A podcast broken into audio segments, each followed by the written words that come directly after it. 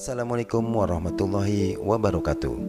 Untuk putraku tercinta, semoga kamu selalu dalam lindungan Allah Subhanahu wa taala. Setiap manusia adalah pemimpin buat manusia yang lain. Dalam arti, jika kamu adalah seorang laki-laki dan sudah berkeluarga, maka jadikanlah dirimu adalah pemimpin bagi keluargamu. Ada beberapa kriteria seseorang yang bisa disebut sebagai pemimpin dalam rumah tangga. Menurut pendapat ayah, sebagai berikut. Satu, soleh dan taat beribadah. Dua, bertanggung jawab. Tiga, melindungi. Empat, bekerja keras.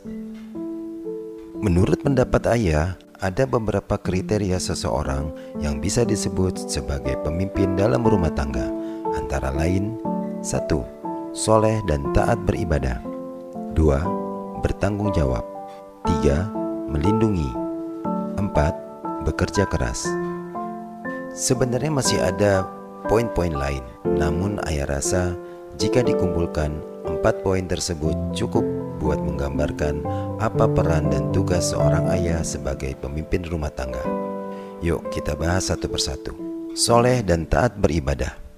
Ini adalah kunci pertama karena dengan kesolehan dan ketaatan kepada Allah membuat kita akan dibimbing dan dilindungi segala tindak tanduk kita dalam menjalankan kehidupan agar tidak keluar dari koridor agama. Dengan kesolehan dan ketaatan kepada Allah, kamu akan cenderung menghindari hal-hal yang buruk dan mendekati hal-hal yang positif. Dengan kesolehan dan ketaatan kepada Allah, kamu akan tenang dalam menjalankan semua cobaan dan dengan kesolehan dan ketaatan kepada Allah, dengan kesolehan dan ketaatan kepada Allah, kamu akan tenang dalam menghadapi semua cobaan dan rintangan dalam kehidupan berumah tangga. Dengan kesolehan dan ketaatan kepada Allah, akan tumbuh rasa ikhlas menerima apa pun ketentuan Allah kepada diri dan keluarga kamu. Bertanggung jawab, ini kunci kedua karena dengan kesolehan dan ketaatan kepada Allah, maka kamu akan mengetahui apa kewajiban seorang pemimpin rumah tangga dan akan berusaha seoptimal mungkin untuk bertanggung jawab memenuhi semua kebutuhan keluarga. Memiliki jiwa tanggung jawab, maka akan tumbuh sikap disiplin dalam hal membagi waktu, kapan saat bekerja, kapan saat bersenda gurau dengan keluarga. Memiliki jiwa tanggung jawab kamu akan selalu memonitor tumbuh kembang anak dan kamu bisa memastikan semua kebutuhan jasmani dan rohaninya terpenuhi. Karena ini adalah bagian tanggung jawab seorang pemimpin rumah tangga. Memiliki jiwa tanggung jawab, maka akan menimbulkan sifat kesatria di mana kamu berani meminta maaf jika ada kesalahan. Ini adalah hal yang penting. Melindungi. Ini kunci ketiga karena telah memiliki sifat kesolehan dan ketaatan kepada Allah, ditambah dengan tanggung jawab, maka akan timbul sifat melindungi. Dalam menyelesaikan masalah, kita tidak boleh takut selama kita benar. Pastikan semua anggota keluarga nyaman akan keberadaan kamu sebagai pemimpin rumah tangga. Bijaklah memberi nasihat kepada anggota keluarga yang bersalah dan tegaslah mengambil sikap jika itu untuk kebaikan anggota keluarga. Bekerja keras, sifat seorang pemimpin selayaknya memiliki sifat seperti kuda dan kerbau. Pemimpin harus kuat seperti kerbau saat membajak sawah di bawah terik matahari, dan pemimpin harus sigap dan cepat seperti kuda dalam mengejar segala kesempatan yang menghampirinya. Seorang raja pun tidak bisa dikatakan sebagai raja jika ia tidak bekerja keras membangun kerajaannya agar tegak berdiri dan disegani oleh kerajaan lain. Wassalam.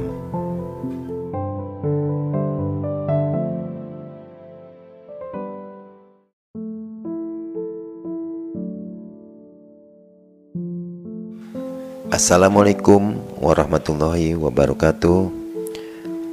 Untuk putriku tercinta, semoga kamu selalu dalam lindungan Allah Subhanahu wa taala. Tak terasa waktu terus berjalan. Ayah ingat sekali saat ayah menyaksikan detik-detik kamu dilahirkan. Ayah ingat sekali tangisan keras kamu membahana ke seluruh ruangan bersalin. Dan ayah ingat sekali saat pertama kali ayah menggendong dan mengazankan kamu. Tak terasa waktu terus berjalan, ayah melihat perkembangan kamu tahun demi tahun. Dari TK, SD, SMP, SMA kuliah, dan bekerja.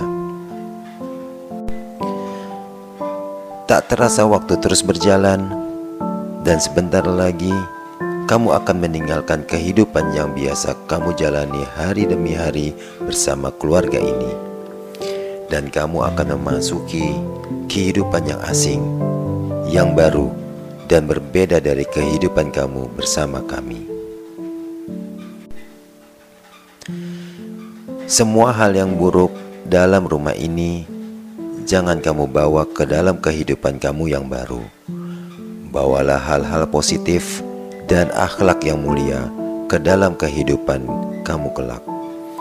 Karena hanya orang yang mengutamakan akhlak pasti memerlukan nasihat-nasihat seperti ini. Wahai putriku, temanilah suamimu dengan sifat kona'ah sifat apa adanya.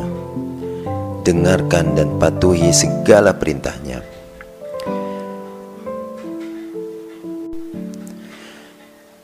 Dalam menjalankan roda kehidupan, tidak akan semulus yang kita bayangkan. Kadang kita ada di bawah, dan kadang kita ada di atas. Semua itu sudah ketetapan Allah. Sadar akan hal tersebut, maka dampingi terus suamimu dampingi terus dalam keadaan senang dan maupun dalam keadaan susah. Dan patuhilah segala perintah suamimu yang tidak bertentangan dengan agama dengan hati yang ikhlas. Wahai putriku, jagalah mata dan hidung suami kamu. Jangan sampai ia melihat sesuatu yang jelek dan mencium sesuatu yang kurang harum dari diri kamu. Suamimu akan sibuk seharian di luar rumah dan akan kembali ke rumah dalam keadaan lelah. Persiapkanlah rumah kamu dengan baik, jangan ada yang berantakan. Berpakaianlah yang rapi dan harum agar suami kamu menjadi senang dan bisa rileks melepas penat. Wahai putriku, jaga dan tenangkanlah tidur suamimu Jangan sampai dia gelisah dalam tidurnya. Membangun keharmonisan harus terus dijaga hingga saat mau tidur. Pastikan suami kamu akan lelap tidurnya, karena kurang tidur akan membuat ketegangan dalam tubuhnya dan bisa membangunkan emosi di pagi hari. Wahai putriku, ingatkan waktu makan suami kamu Jangan sampai ia kelaparan saat bersama kamu. Dalam keadaan apa pun, kamu harus bisa membuat suami kamu kenyang. Pastikan ada bahan-bahan makanan yang siap dimasak jika suami kamu ingin makan. Jangan biarkan ia kelaparan, karena perut yang kosong akan membuat manusia gampang marah. Wahai putriku, hormatilah dan peliharalah harta, keluarga, dan anak-anaknya. Jagalah rahasia suami dan rumah tangga kamu. Jangan sampai kamu umbar keluar, karena hal ini bisa membuatnya emosi, dan kamu tidak akan bisa lari darinya. Jaga pula harta dan anak-anaknya. Jangan kamu lalai dalam menjaga itu semua, karena itu adalah tanggung jawab kamu. Wahai putriku, jika kamu memahami isi nasihat-nasihat ayah di atas, insya Allah kamu akan bahagia bersama suami dan anak-anak kamu. Dan kepatuhan terhadap suami akan membawa kamu masuk ke dalam surga Allah Subhanahu wa Ta'ala.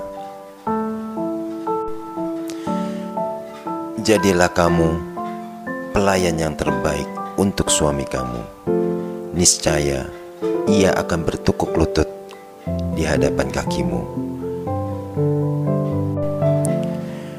Hanya istri yang cerdik yang mengerti bahwa suami akan memberikan segala-galanya untuk sang istri setelah ia memberikan pelayanan yang terbaik untuk sang suami.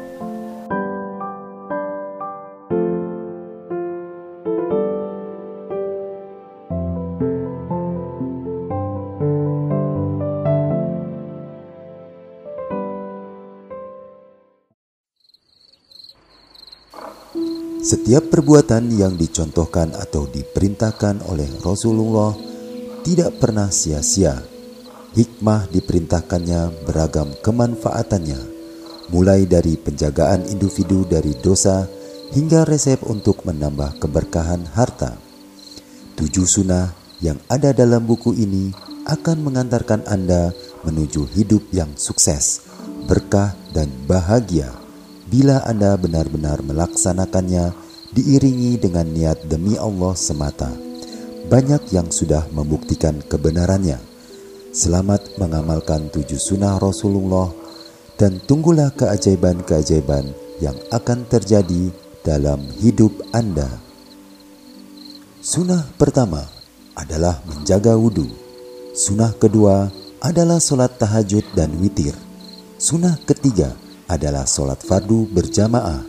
Sunnah keempat adalah tadabur Al-Quran. Sunnah kelima adalah sholat duha. Sunnah keenam adalah puasa Senin Kamis. Sedangkan sunnah ketujuh adalah bersedekah.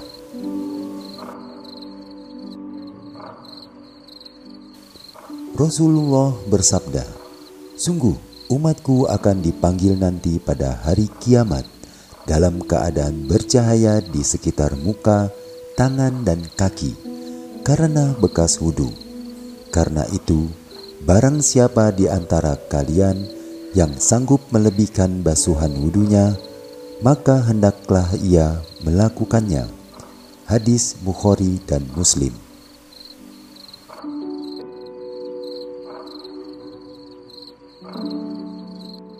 Menghapus dosa Allah Maha Pengasih. Dia memberikan nikmat kepada kita berupa wudhu. Saat segarnya air mulai membasahi kulit, dosa-dosa yang pernah kita lakukan rontok bersamaan dengan tetesan-tetesan air yang jatuh ke tanah. Rasulullah bersabda, "Jika seorang Muslim atau mukmin itu berwudu, maka ketika ia membasuh mukanya, keluarlah setiap dosa yang dilakukan oleh kedua matanya karena melihat sesuatu yang diharamkan. Hilangnya bersama-sama dengan air itu atau bersama-sama dengan tetesan air yang terakhir. Jika ia membasuh kakinya, maka keluarlah dosa yang diperbuat oleh kedua kakinya karena digunakan berjalan pada jalan yang tidak benar, bersama-sama dengan air atau bersama-sama dengan tetesan air terakhir, sehingga ia bersih dari dosa. Hadis riwayat Muslim. Minimal lima waktu sholat dalam sehari semalam kita wajib dalam kondisi berwudu. Sungguh merupakan kebahagiaan dan anugerah yang besar di antara waktu subuh dan waktu zuhur, waktu zuhur dan waktu asar, waktu asar dan waktu maghrib, waktu maghrib dan isya, juga antara waktu isya dan waktu subuh. Bila di sela-sela waktu itu kita tergelincir melakukan perbuatan dosa, basuhan air wudhu yang akan membersihkannya. Subhanallah. Padahal Allah masih memberikan kesempatan selain di lima waktu itu. Di waktu duha, bila ingin mengerjakannya, kita bisa mengambil air wudhu. Saat hendak membaca Al-Quran, kita pun bisa mengambil air wudhu. Saat masuk ke masjid dan ingin menunaikan sholat tahayatul masjid, kita pun bisa mengambil air wudhu. Sebagai manusia, kita pasti pernah tergelincir berbuat dosa, baik kita sadari maupun tidak. Karena itu, kita bukan Nabi Muhammad yang maksum atau terpelihara dari dosa. Kita juga bukan malaikat yang tidak dilengkapi dengan nafsu sebagai pintu masuk perbuatan dosa itu. Dosa itu bisa menyangkut hubungan langsung antara kita dengan Allah ataupun menyangkut hubungan kita sesama manusia. Betapa dahsyatnya nikmat wudhu, diiringin hati yang ikhlas saat membasuhnya, dosa-dosa yang kita lakukan pun berguguran. Berwudulah dengan tenang atau tumak ninah, jangan terburu-buru, sempurnakanlah setiap sapuannya, baik saat membasuh wajah membasuh kedua tangan, membasuh sebagian kepala, maupun membasuh kedua kaki. Saat membasuhnya, rasakan setiap tetesan airnya seolah-olah membasuh dosa-dosa yang pernah kita perbuat. Saat berkumur, rasakan seolah kita sedang mencuci dosa-dosa lisan yang pernah kita perbuat, lisan yang pernah berkata keji, kotor dan sia-sia. Semoga masuknya air saat berkumur menjadikan lisan kita kembali bersih. Saat memasukkan air dalam hidung dan menghempaskannya, rasakanlah seolah kita sedang membersihkan kotoran dan menghempaskan dosa yang telah diperbuat oleh hidung ini. Saat membasuh muka, Rasakanlah bahwa air yang menyentuh kening sedang mencuci otak atau pikiran kita yang barangkali suka berpikir kotor atau licik. Saat air itu melewati mata, rasakanlah seolah-olah mata kita sedang dibersihkan lahir dan batin. Saat membasuh tangan, rasakanlah bahwa dosa-dosa yang ada di tangan luruh bersama dengan tetesan air melalui sela-sela jari tangan kita. Saat membasuh sebagian kepala dan telinga, rasakan pula bahwa dosa telinga kita rontok bersama dengan tetesan air yang ada di telinga. Selanjutnya, saat membasuh kaki, kita pun berharap agar dosa yang diperbuat oleh kedua kaki ini juga berguguran bersama dengan tetesan air yang jatuh ke tanah. Allah mengugurkan dosa-dosa lewat basuhan air wudhu maupun memberikan ampunan lewat istighfar. Maka Anda bisa mengambil air wudhu tanpa terhalangi oleh siapa pun. Harapannya, dosa-dosa yang pernah kita perbuat benar-benar berguguran bersama dengan tetesan air yang jatuh ke tanah. Dalam hadis yang lain, Rasulullah bersabda, "Barang siapa berwudu dan menyempurnakannya, maka keluarlah semua dosa dari tubuhnya hingga dari bawah kuku-kukunya." Hadis riwayat Muslim.